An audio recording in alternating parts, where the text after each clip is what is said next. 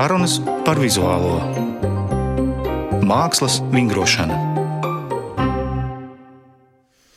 Laimīgi jauno gadu, darbie radio klasikas klausītāji! Pirmo raidījumu šogad eh, vadījuši es Kaspars Zariņš, un manas viesņas šoreiz ir divas jaunas mākslinieces. Tā kā ir jauns gads, tad arī jaunas mākslinieces - Sandra Strēle un Kristīna Kutepava. Abas ir pārsvarā gleznotājas, bet arī nodarbojās ar eh, scenogrāfiju un vēl ar kaut ko citu. To viņas izstāstīs pašas. Abām, manuprāt, ir salīdzinoši līdzīgi mākslas izpausmes tieši vizuālajā attēlā. Un par to mēs parunāsim vēlāk, bet kā parasti iesildoties, es abām vaicāšu, kā viņas nonāca līdz mākslai, un varbūt lai mazliet atceras bērnību, kā tas viss notika. Ja? Sandra. Tad labdien visiem, un pirmkārt jau laimīgu jauno gadu!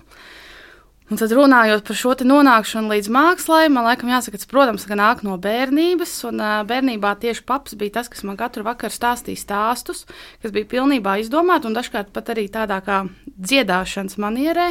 Un tad kādā trīs gadu vecumā stāstus sāku stāstīt es.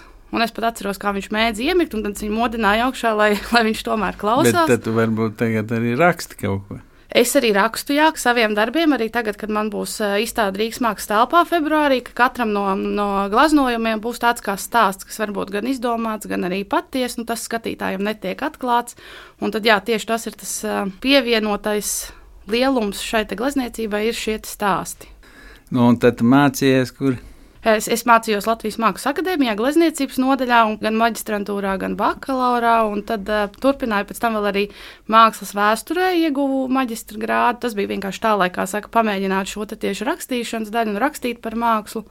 Un, uh, tagad uh, studēju arī Mākslas akadēmijā, bet profesionālajā doktorantūrā. Un tu lūdzu, Kristīne? Veiksmīgi visiem jauno gadu. Atkal jāsaka, ir sajustas paralēles, jo man patiesībā arī šī māksla sākās ar to, ka man lasīja pasakas bērnībā. Un, uh, man ļoti uzrunāja visas ilustrācijas, kas bija grāmatās, jo visas grāmatas tajā laikā bija ilustrējuši tieši mākslinieki. Jo nekā savādāk man satuvināšanās ar mākslu nebija. Es netiku sūtīta ne uz mākslas skolām. Nu, būtībā tāds pats sevi audzis. Kur tas notika? Ja tas... Aizkrauklē. Un tad, tad tā stāstu pasaule. Plus dārzs mums arī bija, kur nu, būtībā tāds bērns savā nodabā darbojās. Un, un tad es sapratu, ka tur tā sakne laikam ir sākusies. Jo mākslinieks tomēr savā izpausmē ir tāds vienpatis, kas savā pasaulē rada kaut ko, un tālāk viņš dod un dalās. Nu, un tad otrais jautājums, kā ierasts, kas ir māksla pēc jūsu domām, un vai viņi ir vajadzīgi, un kā jūs gribētu redzēt viņas attīstību? Nu, manuprāt, jau mūsdienās man māksla var būt gandrīz jebkas. No to, kā saka arī Danto, tāds mākslas teorētiķis savā darbā, īstenībā ar uh, 64. gada Endija Vorhola darbu Brillo kastes par būtībā par mākslu var tikt uzskatīts gandrīz jebkas, ka tas var būt kā šis vienkārši redīmēta priekšmets paņemts, bet kuram tiek piešķirta kaut kāda nozīme. Un tad mākslā var būt šīs dažādas funkcijas, gan politiskās, gan sociālās, gan arī vienkārši vizuālās, kas, piemēram, glazna var būt par interjeru objektu.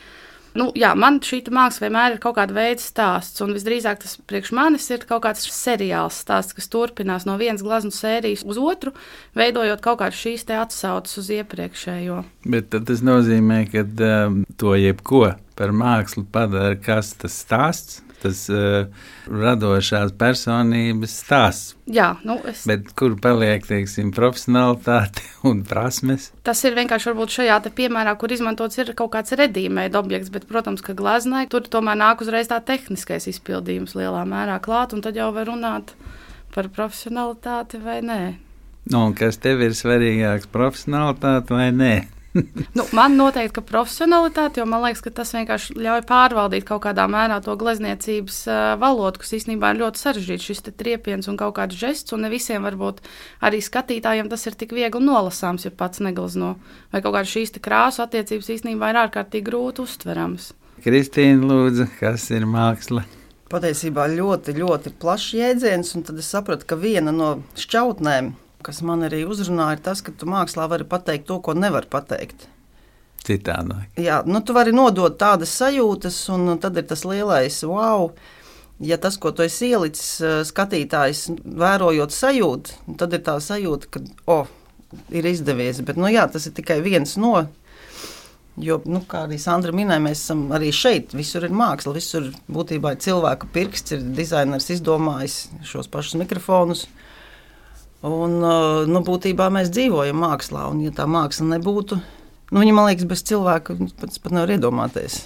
Nu, Viņš jā, ir nu, visur. cilvēkam ir svarīgi viņu radīt, un arī vajag, kas uz viņu apskatās.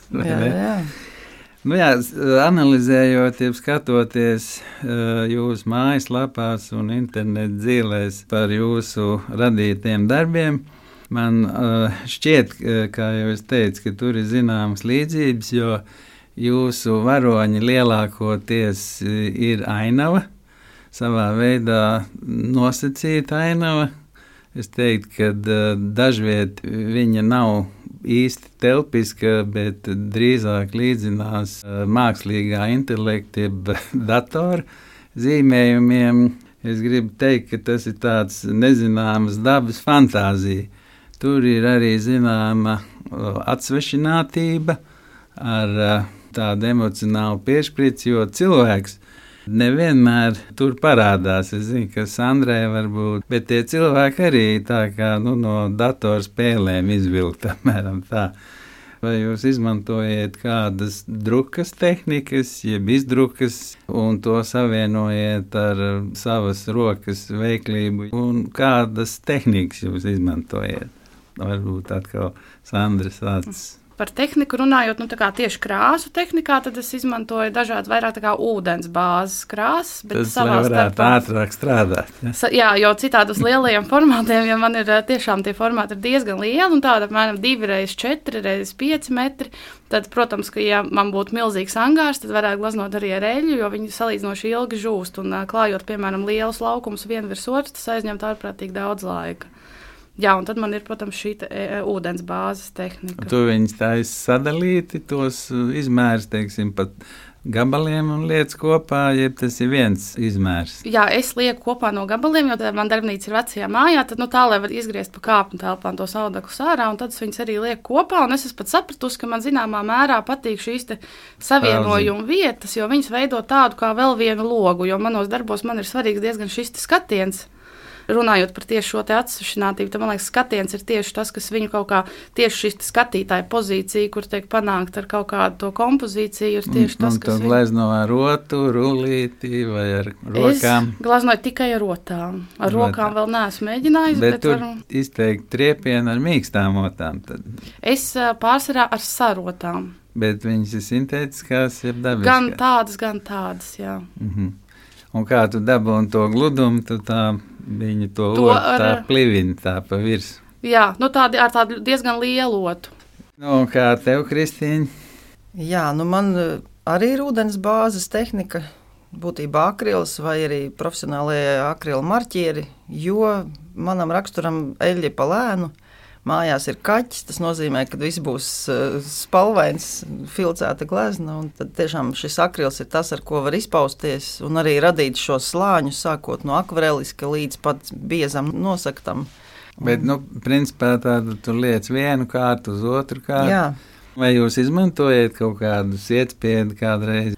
Man ir tā, ka uh, sietspiedi es esmu likusi, bet tad es sapratu, ka man patīk vairāk šīs sietspiedas princips. Mhm. Ir darbi, kurus tiešām arī slāņoju, ka tā krāsa ir tik, tik uh, blīvi piepildīta, ka uh, varētu likties, ka tā ir sietspieda, bet tas ir izpildīts ar, uh, ar uh, otu. Ar rociņu. Jā. Kas jūs iedvesmo gleznot, kur jūs ņemiet motivāciju vispār nodarboties ar mākslu? Un kas ir jūsu iedvesmas avots? Jā, nu, tāds iedvesmas avots, nu viens noteikti ir kaut kāda ikdiena, un tāda ikdienišķa novērojumi. Un tā kā es strādāju šajās sērijās, tad kaut kur tas sižets izriet no iepriekšējās.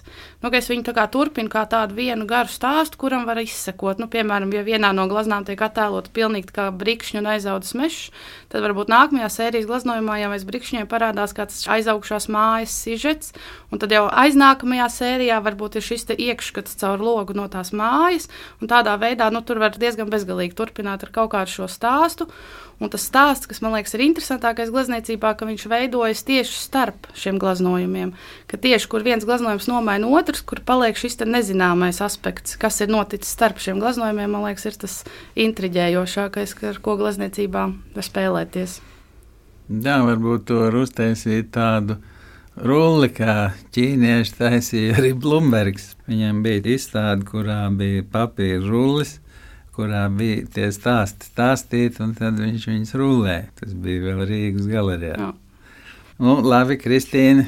Man ir tā, ka šobrīd no abstraktas uh, ainavas es virzījos gandrīz uz reālo, kas bija šie upes gari. Šobrīd uh, darbs ir jau pie savas veidotas scenogrāfijas, kas ir tēma dārsts. Nu, ir otrais gads, kopš esmu ar to aizrausies. Studijā šobrīd eh, tā tēma ir eh, jau diezgan, pat varētu teikt, konkrēta. Lai gan eh, es viņu šobrīd arī miksēju ar abstraktu vidi. Tas nozīmē, ka notiek tāda simbioze starp, starp galēju abstraktu un realitāti. Tad miks kopā, un tā iedvesma viņa patiešām nāk no visneiedomājamākām vietām un kādām izpausmēm. Tāpēc, nu, būtībā, ja tu esi atvērts, tad viņa var būt jebkur. Vai jūs lasiet arī grāmatas? Man ir šobrīd viena mīļa grāmata, kuras visu laiku lasu. Nu, teiksim, viņa arī bieza, tā ir Joga Vašišta. Tur ir atkal tāds pilnīgi cits kosmos. Tā, kad, jā, tā, tā man šobrīd top grāmata. Mm -hmm.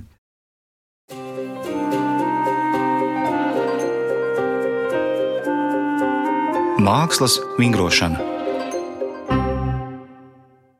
Nu, un, eh, kā es vienmēr arī prasu saviem viesiem, kā jūs domājat, eh, vai un kad eh, Latvijas mākslinieki varētu kļūt vairāk internacionāli atpazīstami? Nu, piemēram, šogad Skuja Brādena, kas bija darbība Venecijas Bienālē, manuprāt, ir veiksmīgākais starts šajā mākslas notikumā. Kas pēc jūsu domām ir nepieciešams vairāk uh, latviešu jauniem māksliniekiem, lai viņi kļūtu atpazīstami starptautiski? Man liekas, pirmām kārtām ir uh, jābūt vairāk apvienošanās, jo mākslinieks atkal tomēr ir katrs savā darbnīcā vai studijā.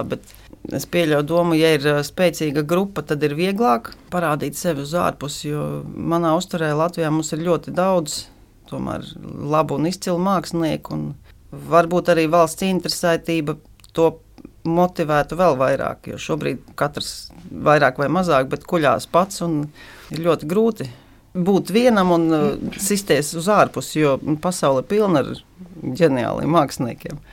Bet kāpēc tieši šis tiek izcelts? Nu, tur vai nu tas ir mārketings vai veiksme.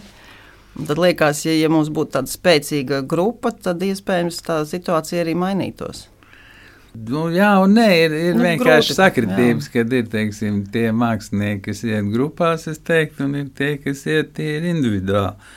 Nu, kaut tu, Sandra, par to nu, saki. Man liekas, ka grupās īstenībā nu, tur ir jābūt tai grupai tādā arī ideoloģiskā ziņā nu, ļoti vienotai. Jo pārsvarā, man liekas, cik es strādāju grupās, tad ir ļoti sarežģīti, jo katrs beigās strādā tāpat individuāli, un tā, tā grupa ir tikai kā tāds mehānisms, eh, kas bieži ir nedaudz mākslīgs. Bet, eh, protams, ka to var izmantot kaut kādā mērā tiešām tādiem sadarbības projektiem, kas paver iespējas kaut kur veidot izstādes ārzemēs. Bet, nu, kā tev iet ar tām ārzemēm? Es lasīju, ka tu esi uh, ieguvusi balvu Kanādā. Jā, tā ir tāda jau divas reizes. Viņa, tas ir tāds tā kā grants jaunajiem māksliniekiem pasaulē, un tad viņi var iegūt trīs reizes dzīvē, un viņi sniedz iespēju. Uh, viens šis grants nodrošina vienu radošās darbības gadu. Būtībā tā ir tā finansiāls atbalsts kaut kāda projekta realizācijai, kur jau norāda pieteikumā, un tas ļauj vienkārši veltīt visu to laiku tai mākslai savai Bet eh, to tu dari šeit vai Kanādā? Nē, to es daru šeit, jā. Tā kā tas var notikt jebkurā, jebkurā pasaules Nu, valstī. un kāda ir tā atskaita? Atskaita ir tādā brīvā formā, protams, ar uh, fotodokumentāciju, nu, kad ir piemēram šī izstāde vai projekts ir noticis. Un Ko tu dari, lai izdzīvotu šajā laikmetā? Tu orientējies uz šādiem grantiem, ja tu vari pietiekoši teiksim, pārdot savus darbus, vai tu vēl strādā kaut kur papildus. Nu, šobrīd, kā es studēju profesionālajā doktorantūrā, man ir stipendija, tad es nedaudz strādāju arī akadēmijā. Bet tā, principā, es mēģinu, nu, protams, izmantot tās iespējas, kuras ir. Ja ir šie granti, tad pieteikties, jo, protams, tas mērķis ir vienkārši glaznot. Mm. Visu laiku, kā saka, veltīt tai glazniecībai, jo citādi man liekas, ka ir, ir ļoti sarežģīti turpināt to darīt tādā, nu, intensīvā apjomā. Jā, būtu- bet, nu, ja tev ir intensīvs darbs, nu, tu glezno daudz, kur tu liec tos darbus. Tā kā es tagad sadarbojos ar galeriju Lietuvā, tad viņiem arī ir noliktava un kaut kas stāv pie viņiem. Un tad arī jāsaka, ka uh, caur šo Lietuvas galeriju ir arī diezgan uh, veiksmīgi kaut kādi lielie darbi ir aizgājuši daudz kur pasaulē. Nav tā, ka man, protams, ka tagad arī, ka man tuvojas izstāde, man ir divas telpas darbnīcai, un tad viena ir pilnīgi pilna ar glaznām. Bet kaut kā ar laiku tas atrasinās. Dažkārt kaut kur izstādu kādās telpās ārpus. Nu, mājas. kā tu saproti, ka tā glezna uh, ir liekama tajā gatavo darbu kaudzītē? Nu, Tā saka, ja es sajūtu to brīdi, kad viņi ir gatavi, tad es cenšos nepārstrādāt darbus. Protams, tu neglezno non-stopā, bet eh, nu, cik apmēram ir vajadzīgs tas laika posms, eh, lai viens darbs taptu. Nu, es teiktu, ka vienai tādai glaznai, kas ir izmērā 2,5 metri, nu, tas man ir apmēram nu, pusotra nedēļa līdz divas, bet nu, tas ir tā strādājot diezgan daudz Bet dienā. kur tu viņu vari apskatīt divreiz pieci? Tu viņu Nu, ir noliec zemē un skaties pa balkonu. tā viena glazūra ir tik liela kā viena darbnīcas garākā siena. Un tā, lai apskatītos, protams, ka tur tas atkāpšanās attālums nav pietiekams. Bet tā, lai apskatītos, es tad, kā tagad iPhone ir ļoti laba platleņķa kamera, ar kur var eh, diezgan labi atkāpties, un tad var redzēt kaut kādas tādas lielas kompozīcijas līnijas. Nu, un tu uztic kādam izteikt viedokli saviem darbiem, jeb tu pilnīgi nerādi nevienam izņemot tad, kad ir izstāde. Nē, nu es laikam tā, ik pa laikam kādam kaut ko pajautāju. Nav tā, ka es uh, visu atklāju tikai izstādē. Bet tu tici vienīgi sev, es pieļauju. Droši vien, nu tā pilnīgi līdz galam nu, paļaujos uz to. Nu, tas jau ir tas mākslinieka gala lēmums, pieņemt, vai tas darbs ir gatavs vai nav. Ja pat arī kāds kaut ko iesaka, vai to pieņemt vai nepieņemt. Un kā tev, Kristīna, kā tu saproti, vai tas darbs ir gatavs un kur tu liec savus darbus? Man ir tā, ka arī ir patiesībā divas telpas mājā. Tad vienā stāv šie lielie formāti, un otrā jau visi, visi pārējie. Bet par to gatavību ļoti interesanti, jo to tikai var sajust. Ja ir iekšā kaut kas, kas tev vēl traucē, un līdz galam tu nezini, nu, tad viņš iet eh, pret sienu, pastāv kādu brīdi. Un ir bijuši darbi, kas eh, būtībā pēc gadiem atrisinās. Un Tas arī ir interesanti. Un tad viņš sanāk tāds pat bagātāks, liekas, un pašai tāds, wow, wow. Otrais, nu, tu Nu, nevari atkārtot viņu pat. Nu, tā ir. Nu, bieži vien ir eh, attīstība notiek caur neveiksmi, caur neziņu. Cik es zinu, tavs vīrs ir tepaus uh, ģitārists. Viņam droši vien nevajag tik lielu telpu kā tev, vai tu konsultējies arī ar viņu. Uh, ir tā, ka mūsu tā simbioze ir ļoti laba, jo viņš man daudz netraucēja, bet uh, šeit tad viņš arī pasaka, un tad, tad, tad es saprotu, ka pat ja es viņam nepiekrītu, es par to jautājumu padomāju. Jo tas tev liek saprast, uh, vai tiešām tu esi pārliecināts par to, ko es izdarīju, vai varbūt var kaut ko vēl izdarīt. Un tad noteikti tas lēmums iekšēji, jā, nē. Mākslas vingrošana. Es turpinu sarunu ar manām viesņām Sandru Strēli un Kristīnu Kutepovu. Vai jūs gleznojat katru dienu, ja jums ir tā, ka jums ir nu, tādi apmulsumi un neziņas periodi, kad nu, jūs labāk izvēlētos lasīt grāmatas, skriet, jeb nezinu, aizbraukt uz ārzemēm? Ir tā. Jā, man liekas, ka ir tieši tā. Protams, ka gatavojoties izstādē, kad ir daudz tie lielie darbi, tad tas ir tāds darbs gandrīz vai katru dienu, ko es arī ļoti izbaudu. Bet tas ir tāds konkrēts periods, kurš varbūt arī pat ir diezgan garš. Bet pēc izstādes tad parasti ir šis neglaznošanas laiks, kas īstenībā sākumā varbūt ir tāds pat. Uh, kaut kāds tāds zināms prieks, nu, kad ir kaut ko var darīt arī kaut ko citu, bet pēc tam īstenībā tā glaznošana kaut kur pietrūkst un ir tāds zināms diskomforts. Piekrītu, jo es pagājušajā gadā apzināti vasaru pavadīju dārza savos darbos, un, un, un veidojot, un fotografējot, fiksējot visu, bet principā Man liekas, tas ir līdzīgs arī kā mūziķiem. Viņi nevar, ja viņi nepaspēlēs eh, savas gammas, tad viņi jūtās diskomfortā, un šeit ir precīzi tas pats. Pat ja, ja šis lielais darba periods ir beidzies, paiet nedēļa, divas, un kaut vai kaut ko nedaudz, bet prasās padarīt. Ar mani tā, ka uh, man jau ir 60 gadi, un man bijis tā, ka, nu, kad eh, nevarēja nekur nokļūt, bet pēc tam Kad Latvijas brīvvalsts atkal radās, tad bija iespēja aizbraukt uz rietumu valstīm, uz Londonu. Un tad es uh, ieraudzīju Franču Bekonu, un tad viņš man pilnīgi pārstartēja smadzenes. Un pēc tam atkal uh, vēlāk uh, es tāpat ieraudzīju dabā Gerhardu Richteru un Daniela Richteru, kas ir abi vācu mākslinieki, kas atkal man deva tādu grūdienu. Un, pārdomāt uh, esošos darbus. Kā jums ir ar šo, vai jums arī tā, ka jūs ieraugiet kādu citu mākslinieku un jūs paliekat traki un gribiet iet un kaut ko radīt? Jā, nu tā laikam ir arī staigājot un apskatot vecmēstarus. Mans tāds pēdējais atklājums, ka mēs bijām tādā vācu latviešu mākslinieču eh, projektā Minhenē un kopā ar Asu Janstonu staigājām pa Pinakotēku Minhenē, un tad rasa man ierādīja, var teikt, no jauna. Protams, sen jau aizmirst no mākslas vēstures bija Rubens, cik viņš bija tāds veikls tajā glezniecībā un triepienā, ka man pilnīgi gribējās arī izmēģināt varbūt kaut ko tādu trakāku. Jā, viņam bija vergi sauktie, jeb asistenti, vai Jā. tev arī ir? Nē, nē, tie man vēl, vēl nav. nav. Bet nu, tie sižeti ar tiem visiem krokodiliem, kuriem, piemēram, ir suns iekodies krokodila astē, un tik veikls tas triepiens, ka viņš bija tāds ārkārtīgi iedvesmojošs. Mm -hmm. Noteikti iedvesmo lielie meistari, un, un tas ir jāredz dzīvē. Jo priekš sevī man vēl joprojām tāds vislielākais pārsteigums bija, man Van Goga darbi nekad nav uzrunājuši reprodukcijās, bet, eh, protams, pirms visa šī hausa, esot ermitāžā, ieraugot dzīvējā, arī Matis, eh, viņi pārsteidza, uzrunāja, un viņi tiešām kaut ko tādu iedod, un tad es sapratu, ka eh, ir jāceļo, ir jāredz, un tad jau tu atgriežoties atpakaļ, pats pārveidojies un, un, un atkal kaut ko jaunu sevi ienes. Nu, jā, nu nekas jau nerodās tukšā vietā. Mēs visi no kaut kā iespaidojamies. Tāpat kā Dēvids Hoknīs un Glens Browns. Un viņš izmanto arī Hoknīs e, datoru kā instrumentu, lai pārradītu savus darbus un atkal no jauna uzgleznot. Vai jūs arī veidojat kaut kādas skices datorā, jeb izmantojiet datoru kā instrumentu, nevis tikai kā informāciju. Es laikam nekad neesmu veidojis tieši skices datorā. Es pārsvarā vai nu izmantoju kaut kādas fotogrāfijas no iepriekšējiem darbiem, vai arī veidoju tādas ar, vienkārši ar pildspauzīmētas, tikai ar līniju skices. Un projektoru? Projektoru nē.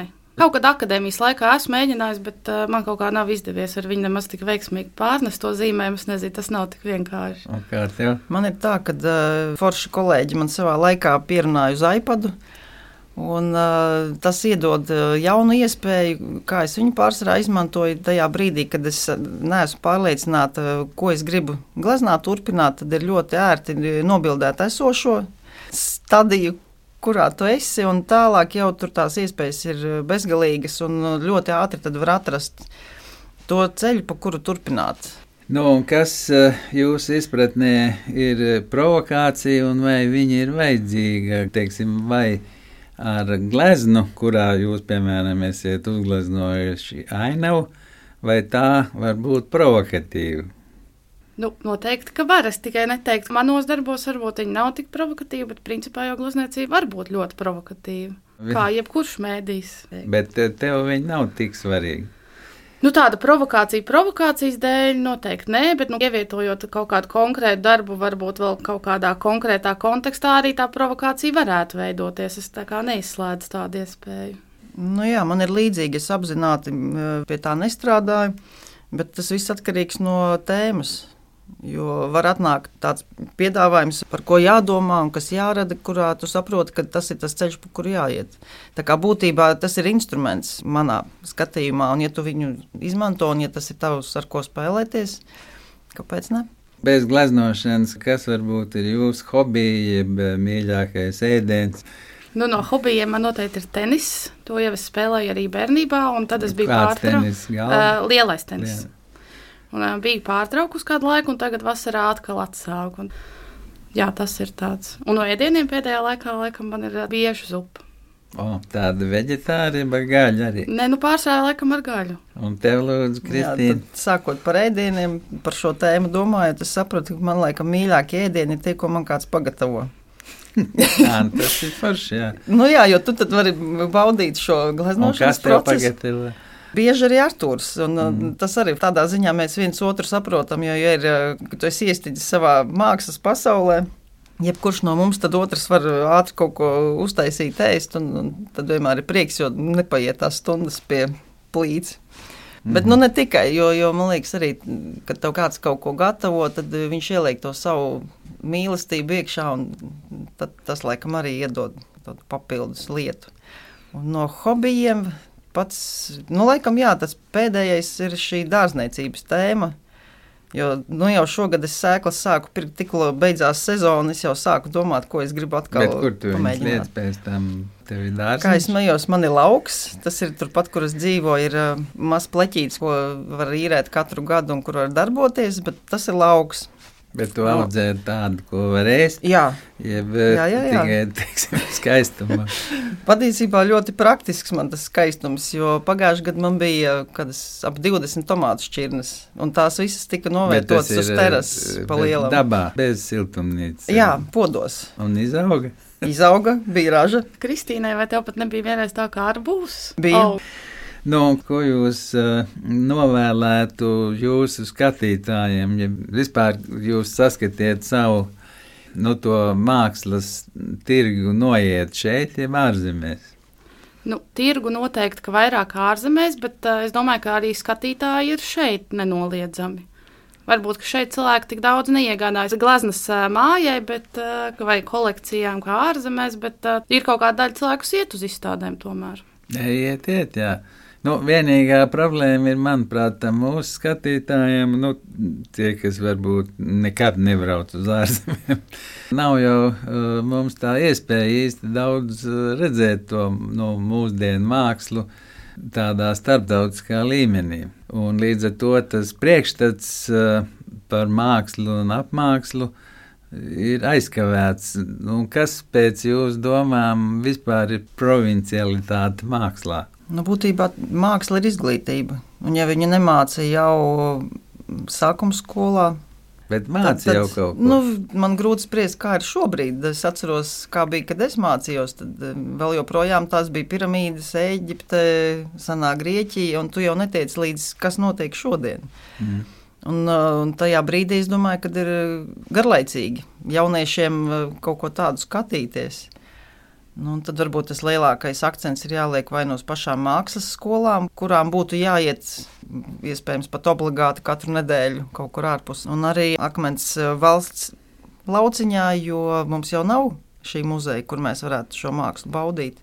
Un patiesībā ir ļoti maz vietas, kur redzēt Nu, Sandra, ko tu teiksi? Nu, jā, man šķiet, ka tas arī, nu, protams, ir ar šīm mākslas skolām, nu, ka arī tiem pedagogiem būtu jābūt nodrošinātai iespējai braukt un redzēt to mākslu kaut kur ārpus Latvijas un tādā plašākā mērogā, un tad nodot to tālāk šiem studentiem un skolāniem. Nu, jo Latvijā, protams, nav iespējams izveidot uzreiz tik daudz izstāžu zāles, lai varētu, un arī droši vien finansiāli atvest tādus pasaules mākslinieku grandus, ir ļoti sarežģīti un dārgi. Bet uh, vieglāk, nu, un arī lētāk ir aizbraukt un apskatīties kaut kur. Tādā ziņā man patika komponista Raimonda Tiguļa apsvērums, kas ir provincialitāte. Un uh, provincē viss notiek ar novēlošanos, kam var piekrist. Jā. Nu, kas ir tas jūsu mākslas attīstības ceļš nākotnē, Sandra? Nu, laikam jau ā, pirmkārt turpināt glaznot un ar vienu meklēt kaut kādus tos jaunus aspektus, ko šajā stāstā iesaistīt. Bet Nu. turpināt glaznot arī nevienmēr ir tik vienkārši. Tā Kā, man liekas, Nē, nu, tur ir- vajag to motivāciju. Jā, Nu. nu, atrast šo te motivāciju vienmēr turpināt glaznot. Piekrītu par turpināšanu glaznot, un uh, lai šie apstākļi rada iespēju arī attīstīties un pārsteigt pašai sevi. Nu, jo, ja tu to ceļu zināsi, laikam jau nebūs līdz galam interesanti. Tāpēc Bet kas tev palīdz nonākt tajā nezināmajā? Man ļoti patīk viena frāze, ko reiz teici. Savaldīt nejaušības. Un tas man ir viens no tādiem top teicieniem, un uh, es visu laiku to atceros. Jo tā nejaušība tikai tev var aizvest kaut kur, kur tu vēl neesi bijis. Liels paldies par uh, dalību šajā jaungada pirmajā raidījumā. Un uh, atgādinu klausītājiem, ka pie manis ciemos bija divas gleznotājas, Sandra Strēle un Kristīne Kutepava. Paldies jums un vēlu sasniegt un ieiet nezināmajā, un galvenais atnākt dzīvam atpakaļ pēc tam ar radošu domu. Paldies, laimīgi jauno gadu! Raidījums tapis ar valsts kultūra kapitāla fonda atbalstu. Šodien raidījumu vadīja es, Kaspars Zariņš, producente Inta Pīrāga.